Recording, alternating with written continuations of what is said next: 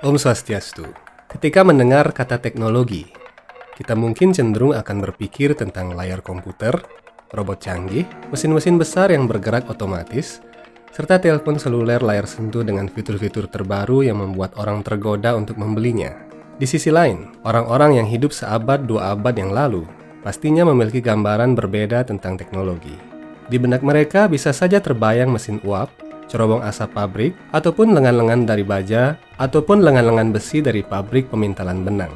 Di balik semua itu, pernahkah kita mencoba menebak seperti apakah gambaran teknologi nun jauh di masa lalu? Ketika peradaban Weda merajai dunia. Apakah benar jika jauh di masa lampau, manusia hidup hanya dengan perkakas sederhana dari kayu, batu, maupun logam? Benarkah bahwa apa yang kita miliki saat ini lebih canggih jika dibandingkan dengan leluhur-leluhur kita yang hidup pada zaman Weda? Dalam kesempatan ini, Hindu Times akan mencoba untuk memberikan sedikit ulasan serta gambaran mengenai teknologi-teknologi canggih yang umum digunakan pada zaman Veda. Namun sebelum kita membahas lebih jauh, bagi Anda yang belum berlangganan dan berkenan dengan konten-konten yang kami sajikan, silakan klik tombol subscribe di bagian bawah dan ikuti terus channel YouTube Hindu Times untuk mendapatkan informasi-informasi menarik seputar Hindu dan juga keluhuran ajaran suci Veda. Anda juga dapat mengunjungi halaman web kami di hindutimes.id untuk menikmati artikel majalah Hindu Times dari volume pertama hingga terakhir secara gratis.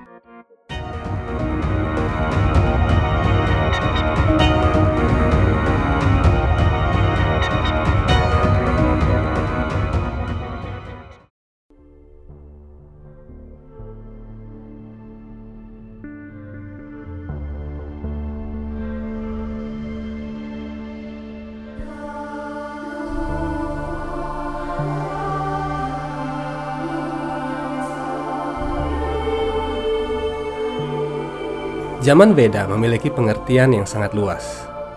Akan tetapi sesuai dengan rangkuman sejarah alam semesta yang dicatat oleh Risi Biasa, dalam Veda Srimad Bhagavatam, zaman Veda mengarah pada suatu masa ketika seluruh umat manusia berpedoman pada ajaran suci Veda.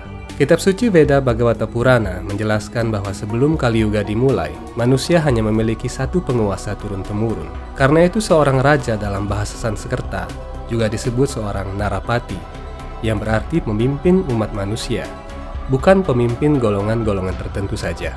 Raja terakhir yang memimpin seluruh muka bumi adalah Janamejaya, putra Maharaja Pariksit, sekitar 2000 tahun sebelum Masehi.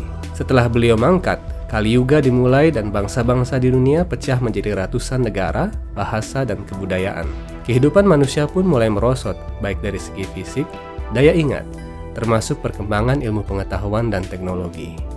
Apabila kita menelusuri kitab suci Veda secara lebih mendalam, kita akan menemukan uraian tentang bagaimana manusia hidup di tengah-tengah keajaiban teknologi yang tidak kalah atau bahkan jauh lebih canggih dibandingkan dengan teknologi masa kini. Sebagai contoh kecil, ketika Arjuna ingin menyerang musuh dalam cakupan yang luas, beliau hanya perlu mencelupkan ujung anak panahnya ke dalam air suci dan mengucapkan mantra-mantra Veda. Saat dilepaskan, seketika itu pula anak panah yang berbahan dasar kayu dan logam itu berubah menjadi bom atom yang mengerikan, layaknya senjata roket militer modern. Di era yang serba modern ini, kadang kita menganggap uraian tersebut sebagai sihir atau mitos. Itu terjadi karena kita belum bisa mengaplikasikan hal yang sama di kehidupan saat ini. Akan tetapi, pernahkah Anda membayangkan jika Anda menunjukkan handphone seluler canggih kepada seorang manusia yang hidup 200 atau 300 tahun yang lampau? Karena belum pernah melihat handphone, Mungkin mereka juga akan heran dan menganggap itu sebagai sihir.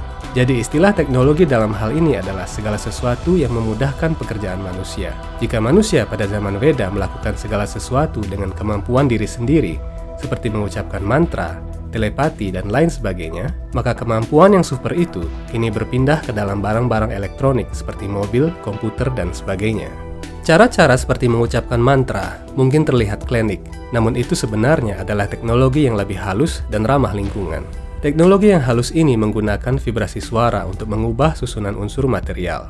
Jika pengucapan mantra salah, maka hasilnya pun akan salah. Ini mirip dengan password yang kita kenal dewasa ini.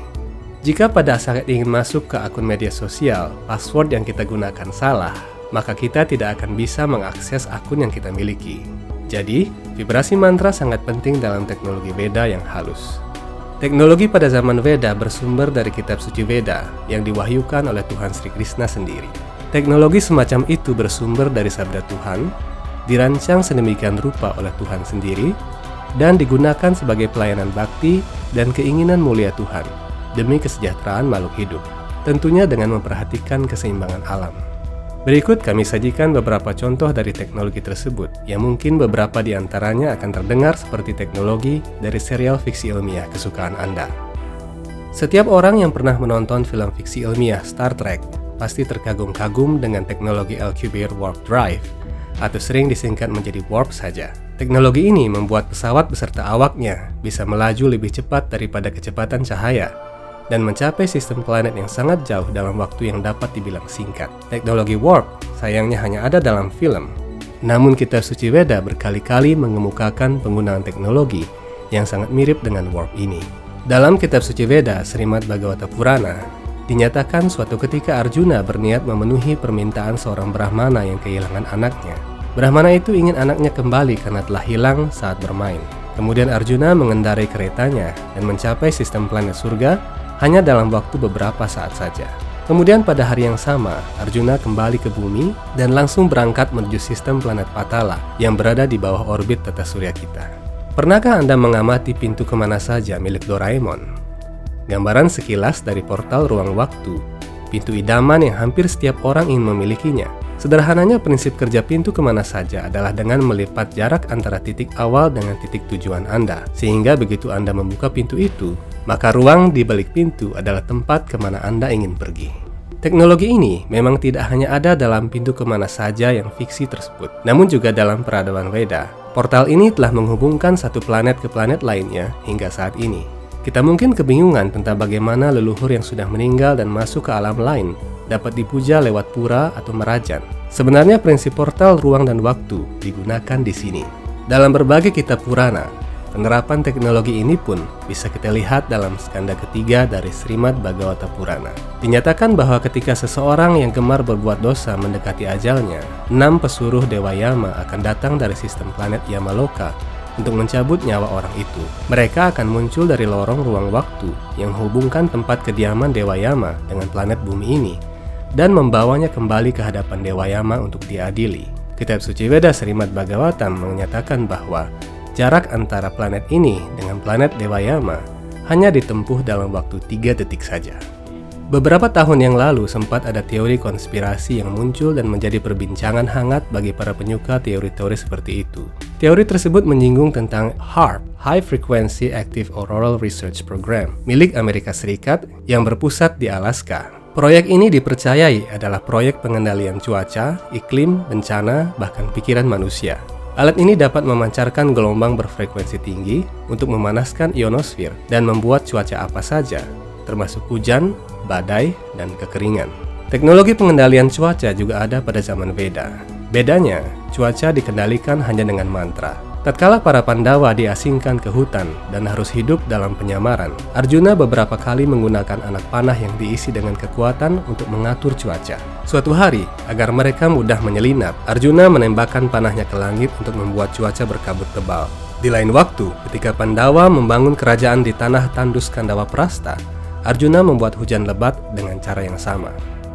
Saat ini dapat banyak kita saksikan hasil dari rekayasa genetika.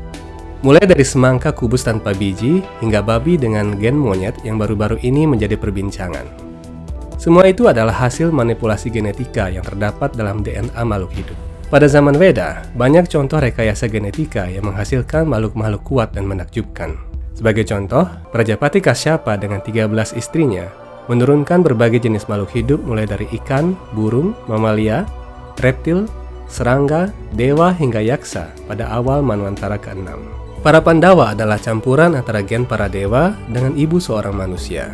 Dalam kitab suci Veda, Bhagavata Purana, skanda ke-9, dinyatakan bahwa Mitra dan Varuna membuat embrio yang akan menjadi resi wasista dari gen mereka yang disimpan dalam sebuah tempayan.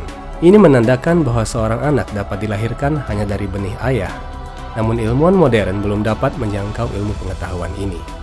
Perbedaan antara teknologi pada zaman Veda dan teknologi modern sebenarnya hanya terletak pada subjeknya saja.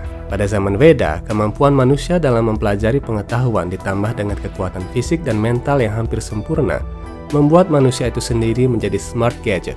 Akan tetapi di zaman modern, saat kemampuan fisik dan mental manusia merosot akibat pengaruh Kali Yuga, kemampuan tersebut berpindah ke alat-alat elektronik, sehingga kelihatannya alat-alat itulah yang membuat semua keajaiban dalam kehidupan kita. Demikian episode kali ini tentang teknologi canggih di zaman Veda. Semoga dengan menonton video ini, kita menjadi lebih sadar dan tidak takabur mengatakan teknologi saat ini adalah teknologi yang paling maju dan dapat membawa umat manusia pada puncak kejayaannya. Maju tidaknya sebuah peradaban tidak dilihat dari seberapa banyak komputer yang diproduksi pabrik, atau semaju apa teknologi artificial intelligence yang dimiliki manusia, namun dilihat dari seberapa mudah umat manusia dalam memenuhi kebutuhan hidupnya tanpa merusak alam dan melanggar prinsip-prinsip keagamaan. Sampai jumpa di episode selanjutnya dengan percikan-percikan pengetahuan suci Veda yang bagaikan mata air murni yang dapat menyucikan dan melepas dahaga setiap makhluk yang meminumnya. Semoga Hindu dapat menjadi cahaya yang terang dan menjadi teladan bagi kedamaian, keharmonisan, kesucian, dan keberagaman bangsa. Om Santi Santi Santi Om.